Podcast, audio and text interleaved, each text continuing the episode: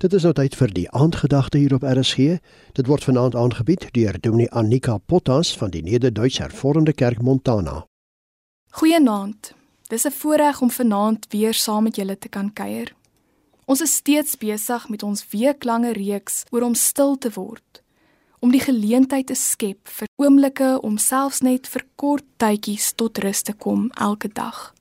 En om dit vanaand verder te oordink, lees ons 1 Konings 19 vers 11 tot 12. Maar die Here sê vir hom: Kom uit en gaan staan op die berg voor my, die Here. Ek wil verbygaan.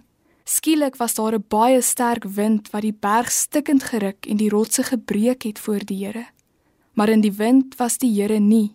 Na die wind was daar 'n aardbewing, maar in die aardbewing was die Here nie. Na die aardbewing was daar 'n vuur, maar in die vuur was die Here nie. En na die vuur was daar 'n fluistering in die windstilte. Nadat Elia van Isebel af weggevlug het, totaal uitgebrand is en in sy diepste depressie was, sê God vir hom om op te staan en te wag vir die teenwoordigheid van God om verby te kom. En dan kom God nie op die manier waarop ons sou verwag nie. Hy kom nie in die wind en die aardbewing en die vuur nie, wat alles simbole was wat mense in daardie tyd met God se almag sou assosieer. Nee, God kies om homself aan Elia te openbaar in die vorm van 'n sagte fluister.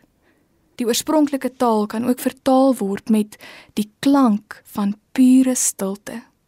En besef jy dat jy nie 'n sagte fluister of dan die klank van pure stilte midde in 'n gejaag, 'n gedruis, 'n geraas kan raak hoor nie.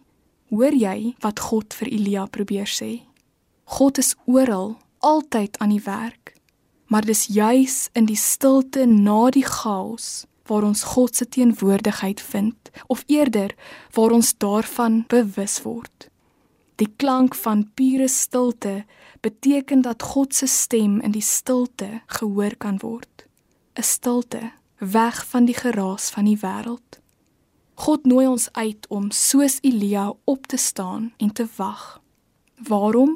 Omdat God ook met ons wil praat vanuit die klank van pure stilte, vanuit 'n sagte fluistering in die windstilte.